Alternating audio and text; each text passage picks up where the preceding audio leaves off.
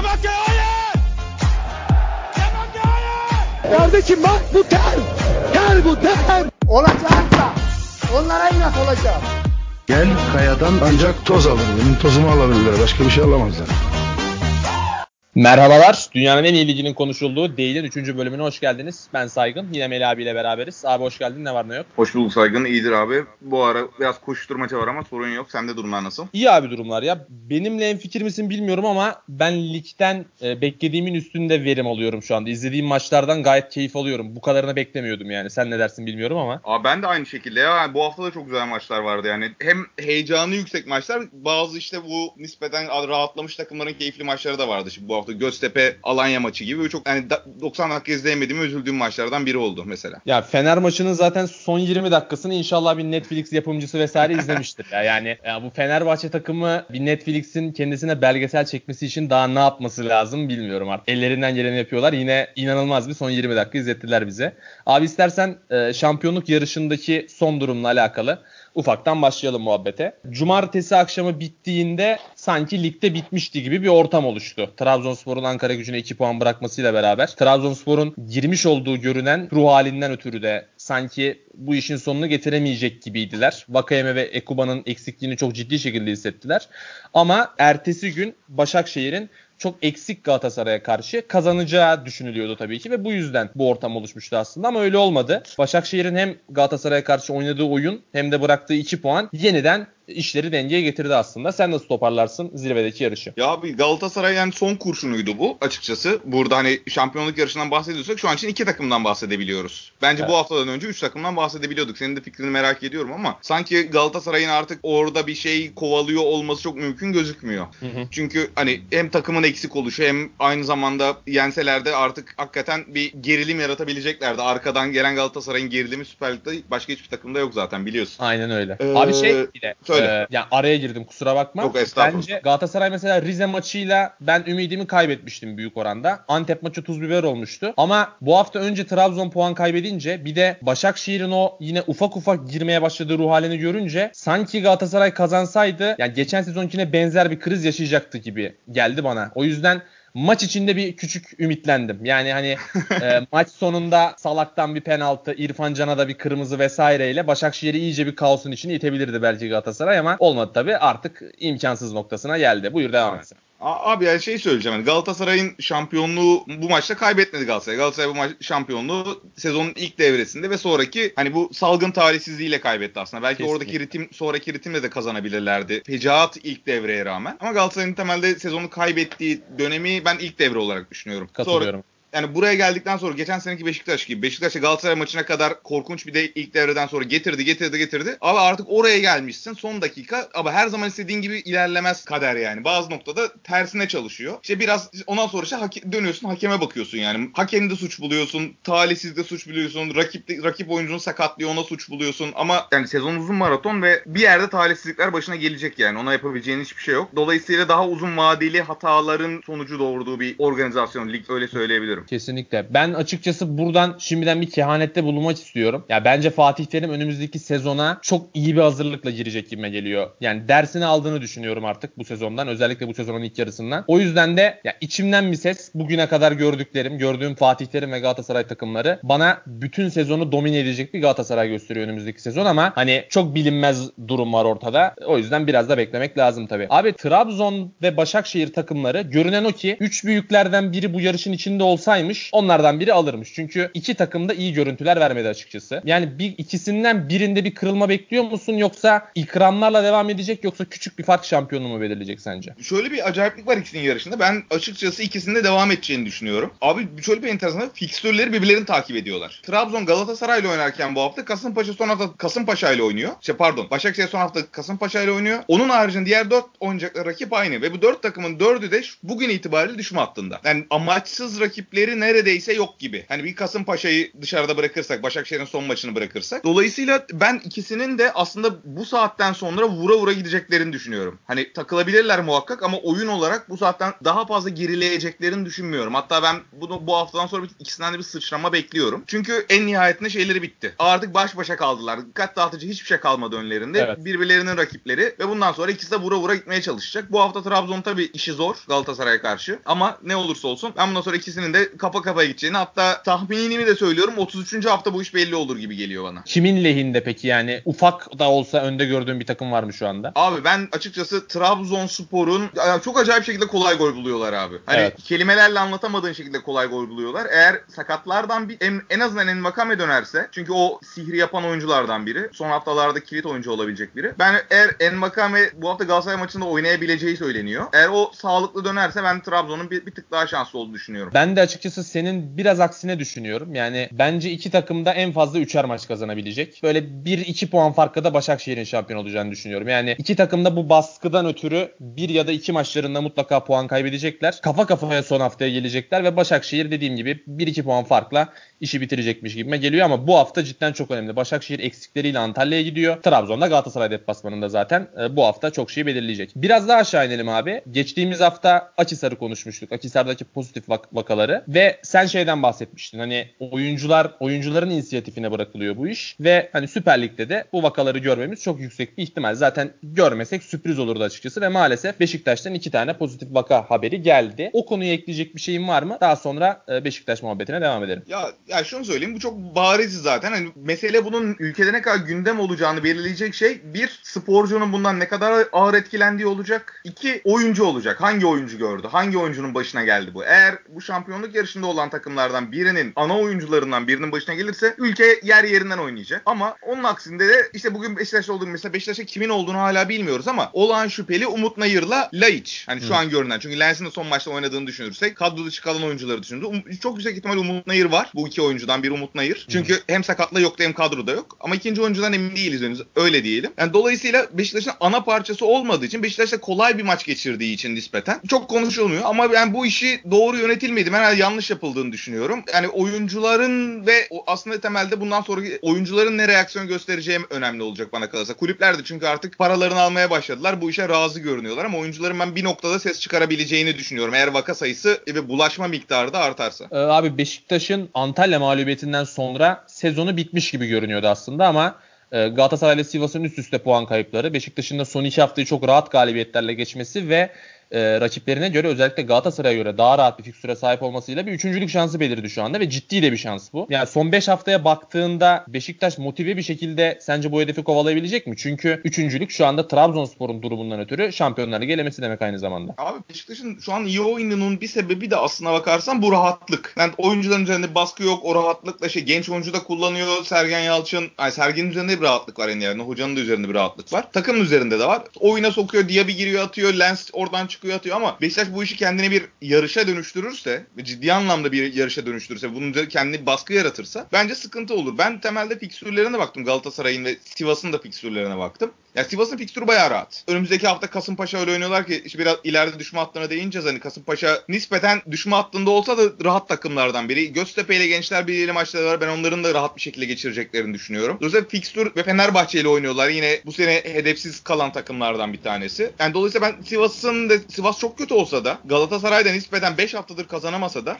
Beşiktaş'ın kovalayacağını ama edin en fazla birini geçebileceğini düşünüyorum. O da belki. Hani biraz şey. Beşiktaş tüm jetonlarını tüketti. Son hafta hepsinin yazı turada tura geliyor olması lazım ki anca öyle. Ya Sivas'ın fiksüründen bağımsız bir durum var bence. O yüzden Sivas ya, bir iki sıra daha aşağı inebilir gibime geliyor benim de. Galatasaray'la alakalı durum da şu. Hani atıyorum bu hafta Trabzon'la berabere kaldı veya kaybetti Galatasaray. Artık ilk iki şansı da tamamen bitmiş oluyor. Öyle bir senaryoda eldeki oyuncuları son 4 haftaya nasıl hazırlayacak, hazırlayabilecek Galatasaray? Bu sorunun cevabı çok önemli. Eğer Galatasaray yine kendi oyununu oynayabilecekse zaten tavanı e, Sivas'ın ve Beşiktaş'ın üzerinde bir takım Galatasaray. 4 maçını halledip üçüncülüğü alabilir bir şekilde ama e, Trabzon'a kaybettiği senaryoda son 4 haftaya nasıl hazırlanacağı Galatasaray'ın bence belirleyici olacak. Beşiktaş'ın şansı bu anlamda bana bir tık daha yüksek gibi geliyor üçüncülük için ama tabii puan olarak arkada şu anda dezavantajlı durumda. Onu bekleyip göreceğiz.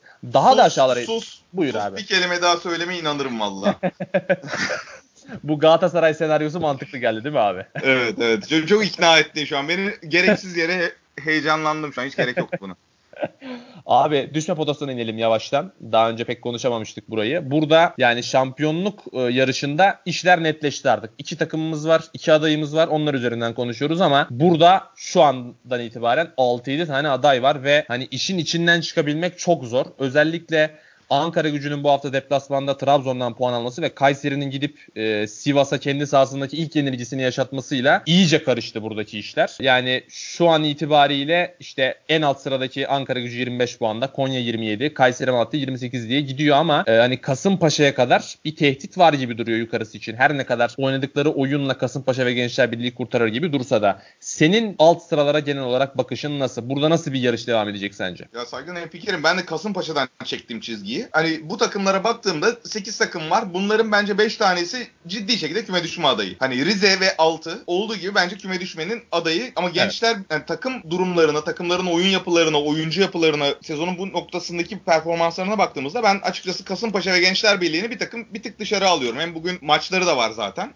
Ee, biz bu yayını akşamüstü çekiyoruz. Akşam maçları olacak. Yani bu kazanan muhtemelen zaten kendini artık üste atmış olacak ve rahatlamış olacak. Bu gözle baktığımızda ve hem hocaları takıma iyi etki ettiler. Takımların atanı, tutanı, pas vereni, şut atanı, sorumluluk alanı çok belli artık Kasımpaşa ve Gençler Birliği'nde. Dolayısıyla ben ikisinin artık bu haftadan yani 1-2 hafta içerisinde bu hafta olmasa bile önümüzdeki haftadan itibaren rahatlamış halde göreceğimizi düşünüyorum. Denizli onlarla yaklaşık aynı puanda ama onların temel sıkıntısı bu hafta Antep'le önümüzdeki hafta Antep'le oynuyorlar. Sonraki dönemde ise Başakşehir ve Trabzon'la üst üste maçları var. Yani eğer Antep'e karşı iyi bir skor Antep'e karşı kazanırlarsa sorun yok. Bence onlar da kurtarmış olurlar kendini ama kazanamadıkları senaryoda, kaybettikleri senaryoda baş, üzerine Başakşehir Trabzon'la o stresle oynayacakları maçlar bence Denizli'yi son iki hafta bir anda kendini altlarda bulabilir. Dolayısıyla 5-6 takımda aslında dönen bir yarış. Valla hani net hani hakikaten programdan önce bir konuştuk şöyle. Hiçbiri oturtamadım. Hani takımların belli durumları var. mesela Rize'nin fikstürü çok enteresan. Hani sen de biliyorsun. Evet. Tamamen direkt rakipleriyle oynuyor Rize. Son hafta Fener ama ondan önceki 4 maç bu hafta da dahil 5 maç tamamen rakipleriyle. Çok enteresan Aynen. bir fikstürü var Rize'nin. Aynen. Kasımpaşa belki orada kendini kurtarabilir ama Konya, Kayseri ve Malatya ile oynuyor ki onlar net şekilde düşme hattının bence sezonun son bir haftasına kadar vesaire adayı olarak, olarak kalacak takımlar. Peki şeye ne diyorsun? Sence kimler, sen kimleri mesela düşmeye çok yakın görüyorsun? Abi şimdi burada Konya Spor hani oynadıkları futbola da baktığım zaman en ciddi aday gibi görünüyor. Geçen sezonki Bursa Spor'a çok benziyorlar. Yani maçlarını izlediğinde Konya'nın ya çok uğraşıyorlar, çabalıyorlar, bir şey yapmaya çalışıyorlar ama hani üretim noktasında 3. bölgede o kadar sıkıntılı bir takım ki maç kazanabilmesi, bir galibiyet serisi yakalayabilmesi çok zor. Benim birinci adayım Konya o yüzden ki bu hafta Rize ile oynuyorlar zaten bir final maçı. Bunu kazanamazlarsa zaten kurtulma şansları inanılmaz düşecek. E, ikinci aday olarak Rize'yi söyleyeceğim. Bu tamamen duygusal. E, düşmelerini istiyorum yani. E, başkanından ve stadından ötürü Rize'nin düşmesini istiyorum kesinlikle. Zaten e, Hasan Kartal açıkçası bu ligde görmek istemediğim bir insan. E, Rize stadını izlemek de, Rize stadında maç izlemek de hiç keyifli değil ama Üçüncü adayı söylemek ya imkansız hani mantığı devreye sokmaya çalışıyorum. Hani kalbimle direkt düşmesini istediğim başka bir takım yok. Mantığı devreye sokunca Ankara gücü küçük bir adım daha önde gibi geliyor açıkçası Kayseri ve Malatya'ya oranla. Sen ne söylersin? Senin adayların kimler? Ya Ankara gücünden başlayayım ben de. Ankara gücünün ben de adaylarımdan bir tanesi. Biraz o da yani takımda yetenekli oyuncular var. Ben en son bu hafta oynadıkları maçta da beğendim açıkçası. Hani yine sorumluluk alıyordu oyuncular vesaire. Rodriguez her ne kadar spiker Fernandez ise Rodriguez bayağı etkiliydi. Ama şöyle Ankara şöyle bir avantajı var. Tam böyle Ankara diyecek oluyorum. Alanya, Göztepe ve Antalya gibi 3 tane hakikaten ligde çok amacı olmayan takımla oynayacaklar. Hatta son hafta Denizli ile oynayacaklar. Denizli o güne kadar kendini kurtarmış olur diye düşünüyorum. Evet. Böyle baktığında 5 5 önceki 5 maçtan 4 tanesi nispeten vitesi düşürmüş takımlar olacak. E, dolayısıyla o onların şansını arttırıyor ama ona rağmen Ankara gücünün ben bir aday olduğunu düşünüyorum. Hiç istemesem de çok sempati besliyorum Kayseri Spor'a bu sene. Özellikle başkanları Berna Hanım da sağ olsun hani çok derli toplu bir takım kurdu. Prosinecki'yi getirdi. Çok iyi bir düzen kurdular. Ama fikstürleri çok fena yani. Son iki hafta Başakşehir Trabzon'la üst üste oynayacaklar. Hani ne olacağını bilemiyoruz. Biraz orada Trabzon'un son hafta bir hedefi olur mu? Yoksa şampiyonluğu mu ilan etmiş olur? Yoksa şampiyonluk imkansız hale mi gelmiş olur? Onu kestiremiyoruz. Ama son iki hafta Başakşehir Trabzon oynamak korkunç ki bu hafta da Beşiktaş'la oynuyorlar ki Evet. orta sahadaki oyuncuları kimdi? Bir an gitti. Mensah. Mensah'ın da Mensah. bu Mensah'ın da bu hafta oynayamayacağı söyleniyor şu an. Çok şey değiştirir bu evet. A- Aynen. Yani çünkü çok abi çok ne yapacağını bilen bir takım, çok ne yaptığı belli bir takım. Silahları da bir yanda diğer tarafta çok kısıtlı. Hani kulübeden attığı oyuncular da çok kısıtlı. Bu hafta hani sürpriz bir galibiyet aldılar biliyorsun zaten. Hani o anlamda hani Kayseri'nin de ben açıkçası düşme adaylarından biri olduğunu düşünüyorum. Sonuncu aday da Rize zaten. Yani Rize'nin de tüm rakipleriyle oynayacağı için ve açıkçası sahada çok sağlam duramamaları temel sebeplerden bir tanesi. Abi Kayseri demişken ya Kayseri konusunda ben de katılıyorum sana. Ciddi bir aday. Fiksüründen ötürü ciddi bir aday. Ben de düşmelerini hiç istemiyorum açıkçası. Gerçekten yönetimiyle, başkanıyla kurdukları takımla sempatik bir görüntüye büründüler. Ama bu hafta Beşiktaş, son iki hafta dediğin gibi Başakşehir, Trabzon ki bence iş son haftaya kalacak. O yüzden Trabzonspor mutlaka kazanmak için çıkacak o maça. Öyle gibi geliyor bana. E, Rize ile direkt zaten direkt rakipleriyle maçları var. Bir tek hedefsiz Antep'le oynayacaklar. O yüzden Kayseri Spor'da sıkıntıya girebilir cidden. Kayseri Spor demişken bu hafta kazandıkları sürpriz maçtan bahsetmiştik. Oradan da yeni konumuza geçelim. Ee, Sivas Spor Kayseri maçında son 10 günün 2 haftanın en çok konuşulan oyuncusu Mert Hakan Yandaş enteresan bir penaltı kaçırdı maçın başında. Onu da soracağım sana zaten. Ama önce istiyorsan o penaltıyı bir açıklamaya çalış abi. Bir anlamaya çalışalım. Ondan sonra bu transfer sürecine geçelim. Abi bir Türk futbolcusu nasıl penaltı kaçırır abi? Şu mevcut oyuncunun mevcut transfer durumlarını vesaire düşünüyorum. Tamam abi tam bunu yapar yani. Öz yani gereksiz özgüven. Yani hakikaten çok tehlikeli bir şey ve hakikaten Türk futbolcularında default olarak yüklenerek geliyor. Yani tam olarak onu yaptı. Yani ben işini de bitirmiş, kafası da rahatlamış bir oyuncu olarak bir şekilde kendi adını attığı penaltıyla bir tık daha duyurma gereksiz heyecanına girdi ve bence korkunç penaltı attı yani. Panenka evet. yapmaya çalıştı. En makul açıklaması herhalde onun. Ama üstten çok feci, feci şekilde out'a gönderdi topu. Abi Aralık ayından beri Galatasaray muhabirlerinin söylediği Mert Hakan'la Galatasaray'ın hatta Emre Kılınç'ın da ön protokol imzaladığı yönündeydi. Bu haberler kesilmeden devam etti zaten. Ve açıkçası Haziran ayının başında da Mert Hakan bir Galatasaray oyuncusu gibiydi. Hatta Sivas Başkanı'nın da açıklaması var Denizli galibiyetinden sonra. Bize bir şey söylemiyorlar bu noktadan sonra Galatasaray'a giderlerse ayıp etmiş olurlar şeklinde bir açıklaması vardı. O da doğrulamıştı aslında Galatasaray'da olan durumu ama yani duyduğumuz, okuduklarımız kadarıyla Galatasaray ön protokoldeki bir anlaşmada çok aceleci davranmıyor, titiz davranmıyor. O sırada araya Fenerbahçe giriyor. Biraz fiyat yükseltme muhabbeti oluyor. E, menajer bunu kulübe söylüyor Galatasaray kulübüne. Galatasaray pek oralı olmuyor, fiyat yükseltmiyor. Öyle olunca da oyuncunun Fenerbahçe'ye imza attığı söyleniyor. Kabaca durum bu gibi duruyor şu anda. Abi sana önce e, bu Mert Hakan Fenerbahçe birlikteliğinden neler beklediğini sorayım. Yani burada sence daha önce gördüğümüz örnekler gibi Fenerbahçe'nin oyuncu öğütme tarafı mı ön plana çıkacak yoksa Mert Hakan Fenerbahçe'nin makus talihini ve ligi değiştirebilecek bir performans ortaya koyabilecek mi? Ya şunu söylemek lazım. Hani oyuncu öğütme dediğin şey öyle sadece oyuncu geliyor ve Türkiye'de yatmaya başlıyor. Büyük kulüpte bir şekilde parayı vurdu yattı gibi olmuyor. Hı. Mevcut şartlarda oyuncuyu bu tarafa doğru itiyor. Oyuncu da bunu bahane göstererek bir şekilde hayatını buna çeviriyor. İstanbul'da keyifli bir hayat, iyi bir maaşa dönüşüyor bir şekilde. Mert Hakan'a gelsek Dolayısıyla sahadaki şartlar uygunsa ben Mert Hakan'ın karakter olarak sahada çok şey görüyorum. Hani işin ucundan tutacaktır. Hırs, hırslı bir oyuncu ve salmayacaktır kendini. Ama sahadaki duruma dönüyorum bakıyorum. Fenerbahçe'nin neresine oturttuğum noktasına bakıyorum. Sahada ona bir yer var mı anlamında bakıyorum. Şu an Fenerbahçe'nin önümüzdeki senede olması kuvvetle muhtemel iki orta sahası var. Gustavo ve Ozan. Ve sen bunların yanına Mert Hakan'ı koyup bunlarla bir üçlü yapma planına geliyor bu. Hani bu şekilde bir üçlü hayal ediliyor doğal olarak. Mert evet. Hakan'a da iyi bir maaş verdiğini düşünürsek. Bu üçlemeye baktığında abi bu üçlüde bir inceci eksikliği çok göze çarpıyor. Biraz Liverpool orta sahasına benzettim ben bunu. Hani tamamen Dinamo gibi koşan, mücadele eden, alan kapatan oyuncular ki bence çok da keyifli bir üçlü olabilir o anlamda. Ceza sahasına evet. koşu atan, takımı enerji olarak besleyen bir üçlü olabilir ama tabii şey eksik kalıyor. Büyük takım olunca karşındaki rakipler sürekli topu sana bıraktığı için bir inceci eksikliği doğuyor. Dolayısıyla eğer Fenerbahçe kanat tercihlerinde mutlaka bir kanat oyun kurucu tercih etmesi lazım.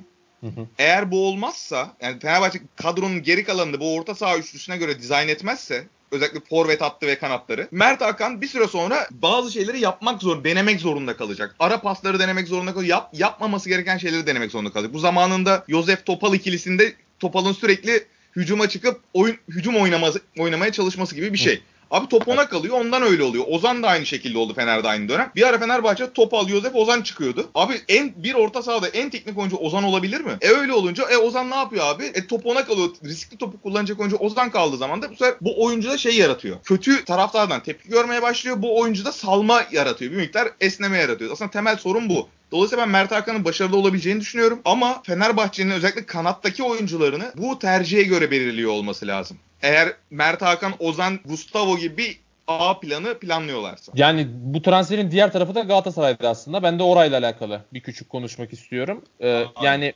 Fatih Terim'in kafasındaki oyunda bu meşhur 4-1-4-1'de yabancı sınırının da geleceğini düşündüğümüzde oradan Belhanda'yı çıkarıp Mert Hakan'ı yerleştirmek o 8-10 haftalık iyi oyunda Galatasaray'ın oyununu da yükseltebilirdi gibi geliyor bana. O yüzden bonservissiz yerli bir oyuncuyu oraya yerleştirmek bence çok faydalı olabilirdi Galatasaray için. O yüzden yani bence bir kayıp. Yani Mert Hakan gibi değerli bir oyuncuyu kaybetmek Galatasaray açısından bence kötü oldu. Ee, özellikle yabancı sınırı da gelecekse. Ee, ama ya orada şuna ek, şurada Buyur orada abi. şuna ekleyeyim. Galatasaray'ın elinde kanatta oyun kurucu var işte. Evet aynen. Peguli net net net Aynen. bir oyun kurucu. Yani ki Başakşehir maçında bunun olağanüstü oynadı bu rolü. Dolayısıyla Galatasaray için uygun bir parçaydı. Ona Bence hemfikirim de. seninle. Bence de. Yani Galatasaray'a bayağı e, iyi bir katkı sağlayabilirdi ve yani Mert Hakan şöyle bir oyuncu bence. Biraz takımla yükselen bir oyuncu. Hani sen dedin elini taşın altına sokmaktan çok sakınmayan bir oyuncu. Ama aynı zamanda ya, takımda da bütün parçaların oturması, yerleşmiş olması gerekiyor. Galatasaray'da bu parçalar yerleşiyor yavaş yavaş. Galatasaray belki sakatlıklardan, cezalardan tam o ideal 11'ini bulamıyor ama ne oynamak istediğine dair bir fikri var artık Galatasaray'ın. O oynamak istediği şeyde Mert Hakan önemli bir role sahip olabilirdi. Ki Galatasaray'ın da eksik olan birkaç yönünü tamamlayacak bir oyuncuydu. İşte ceza sahasına girmesi, şut atması vesaire gibi özellikleriyle Galatasaray'ın hücumdaki o eksikliğini de kapatabilirdi. O yüzden bir kayıp bana kalırsa ama bekleyip göreceğiz. Yani Fenerbahçe'de hoca belli değil, ne oynayacak belli değil. Onlar netleştikten sonra daha da keskinleşmiş olur bu konu hakkındaki e, yorumlarımız. Abi Mert Hakan yani Türkiye'deki büyük kulüplerin ilk transfer kapışması değil. E, son kapışması da olmayacak zaten. Bunun daha önce pek çok örneği var. E, senin aklına bu büyük takımlar arasındaki kapışmalar dediğimde aklına gelen ilk isimler kimler? Abi benim aklıma ilk bu kapışmalarda Aziz Yıldırım'ın suratı geliyor bir kere. Hani resmen bu kapışmalar kapışmaları Aziz Yıldırım'la eşlemişim kafamda. Hani benim bunlardan hani hafızamın yettiği ilk böyle büyük ilk kapışmadan biri de şeydi. Bu 2000-2001 sezonun başında üç büyük takım böyle o dönemler böyle birleşip centilmenlik anlaşması yapıyorlardı. Resmen Anadolu'daki kalbur üstü oyuncuları hepsinin talip olduğu kalbur üstü oyuncuları bölüşüyorlardı. Sen şunu al ben bunu alayım ki Anadolu takımları fiyatı yükseltmesin diye. O dönemde abi Serhat, Serhat Akın, Ümit Bozkurt ve Bülent Akın arasında bu yapılmıştı üç büyük takım arasında. Bülent Akın'ı Galatasaray alacaktı. Serhat Akın'ı Beşiktaş alacaktı. Ümit Bozkurt da Fenerbahçe alacak. Abi Aziz Yıldırım ne yaptı ne etti? Sonra zaten Serhat bunu Twitch yayında da anlatmış. Ha- abi uçaktan uçaktan alıyorlar adamı. Adamın uçağına adam koyuyorlar. Bak uçağın içinden Serhat Akın'ı alıyorlar bagajını bile aldırmadan dere ağzına götürüyorlar abi. Serhat'ı bir şekilde bedava o dönem Serhat'ın da sözleşmesi bitiyordu yanlış bilmiyorsam. Serhat'ı bir şekilde bedavaya getiriyorlar abi imzalatıyorlar. Beşiktaş da bunun üzerine sinirlenmişti. O dönem sanırım Serdar Bilgili yönetim vardı. Bunun üzerine Beşiktaş'a delirdi abi gitti Ümit Bozkurt'un peşine düştü. Fenerbahçe'nin alması, Fenerbahçe'nin alması gereken. O da gitti onu aldı ama Abi saçma sapan bir ay falan pazarlığı sürdü. Yanlış hatırlamıyorsam 3 milyon euro artı oyuncu falan vermiştik yani Ümit Bozkurt'a karşılık ki Abi- zaten Beşiktaş'taki performans da bayağı tatsız olmuştu. Beşiktaş'ın aslında hani Mehmet Topuz muhabbetinden sonraki Nihat Kahveci transferi de buna benziyordu biraz. Yani o arada o panikle o taraftar tepkisiyle Nihat Kahveci'ye hani vereceğinin belki çok daha üzerini vererek çok, Çok ciddi bir yıllık ücretle transfer etmişti Yıldırım Demirören yönetimi. Böyle bir sıkıntı olmuştu Aynen. yani. Bu bu tip Aynen geri dönüşler de yaratabiliyor cidden. Sen de senin aklına gelen kimse var mı bu konuda? Abi yakın örnekler var aslında. Ee, yani Vedat Muriç ile Emre Akbaba direkt hakka gelen tabii ki. Ee, Vedat Muriç özellikle yani benim tadımı çok kaçırmıştı. Yine aktörlerden biri Rize Başkanı olduğu için yani her gün televizyonda onu görüyor olmak büyük tat kaçırıyordu. Ki hani bu örnekler arasında da hani bir takımın bir takımın elinden alıp e, yayından önce de konuştuk. Daha sonra performans alabildiği nadir oyunculardan birisi Vedat Muriç. Hani genellikle bu tip transferler işte Mehmet Topuz'da vesaire Alper Potuk'ta gördüğümüz gibi pek fayda sağlamıyor aslında takımlara. Fenerbahçe bunlardan çok fayda sağlayamamıştı. Ama Vedat Muriç'te pek öyle olmayacak gibi duruyor. Yani Fenerbahçe eğer bir düzen kurabilirse, Vedat Muriç'in üzerindeki yükü biraz azaltabilirse ondan para kazanacak gibi duruyor. Diğeri de Emre Akbaba. Emre Akbaba konusunda hani Galatasaray taraftarı da biraz sert çıkışıyor gibi geliyor sanki bana oyuncu. İki defa ayağı kırıldı oyuncunun. Akbaba öyle. de- değerli bir oyuncu Galatasaray için. Yani bence ilk 11'inin direkt bir parçası olmamalı bence de. Olamaz ama geniş rotasyonda çok değerli bir oyuncu Emre Akbaba. Zaten dün Başakşehir maçında da gördük. Hani o yüzden biraz insaflı davranmak gerekiyor Emre Akbaba konusunda da. Onu da aslında Galatasaray yönetimi bence bir sene bekletip bonservissiz almayı planlıyordu. Ama o dönem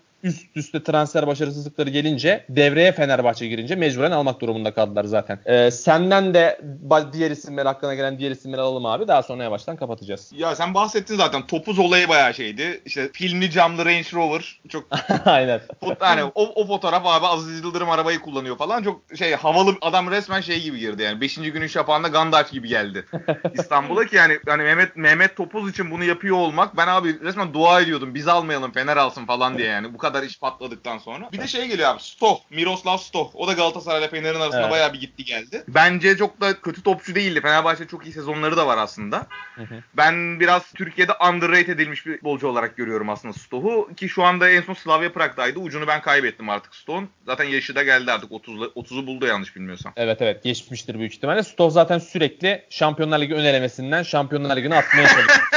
yani Fenerbahçe. Slavia Prag, PAOK sürekli denedi denedi bir türlü oyun, oynayamadı maalesef. Abi e, kapatmadan önce son bir konuda da seni tebrik etmek istiyorum. Gözün aydın demek istiyorum. Liverpool, Leicester ve Blackburn'un ardından Premier Lig'deki ilk şampiyonluğunu kazanmış oldu ve Premier Lig'in 7. şampiyon olarak e, tarihi adını altın harflerle yazdırdı. E, senin de görüşlerini alalım bu konuda tabii ki. Ya tabii Abi ki abi United, yani ben biliyorum. United lobisi, United lobisi yaptırdı bana bu şakayı. Kusura bakma. ya şöyle 19. şampiyonluğumuz hayırlı olsun öncelikle. Ben bunları tabii Ekim'de Kasım'da falan söylemeye başlamıştım biliyorsunuz. Bizim WhatsApp grubunda. Sen Evet. sen iyi biliyorsun. evet evet. Hani Ant kardeşime diyordum ki kardeşim gel uçak biletlerini alalım vesaire. Tabii Covid bize izin vermedi bu salgın. Ben çok istiyorum yoksa bu sene şampiyonluk kutlamasına bir yerinden katılmayı. Hani önünden arkasından bir tane maça giderek vesaire. Ya hani sonunda halloldu. En azından bu derdi kurt yani bu dertten kulüp kurtulmuş oldu ve bundan sonra ben açıkçası önümüzdeki 5 yılda yani minimum 3 yılda Liverpool'un zaten şa- şampiyonluğun bir numaralı adayı olacağını düşünüyorum. Hani City muhtemelen yeni bir düzene girecek bu seneden sonra. Patlatacaklar transfer bombalarını ama en nihayetinde Liverpool şu an hazır ve belli ufak rötuşlarla en azından 2-3 sene daha ligin tepesinde olacağını garanti ediyor bana kalırsa Klopp'un liderliğinde. Dolayısıyla ben mutluyum abi. Keyfim çok yerinde o konuda. Gözün aydın diyelim o zaman abi. Değil'in 3. bölümünü kapatıyoruz. Ağzına sağlık abi. Gayet keyifli bir bölüm oldu. Önümüzdeki hafta görüşmek üzere. Hoşçakalın. Hoşçakalın. Cemal hayır! Cemal hayır! Kardeşim bak bu ter. Ter bu ter. Olacaksa onlara inat olacağım. Gel kayadan ancak toz alır. Benim tozumu alabilirler. Başka bir şey alamazlar.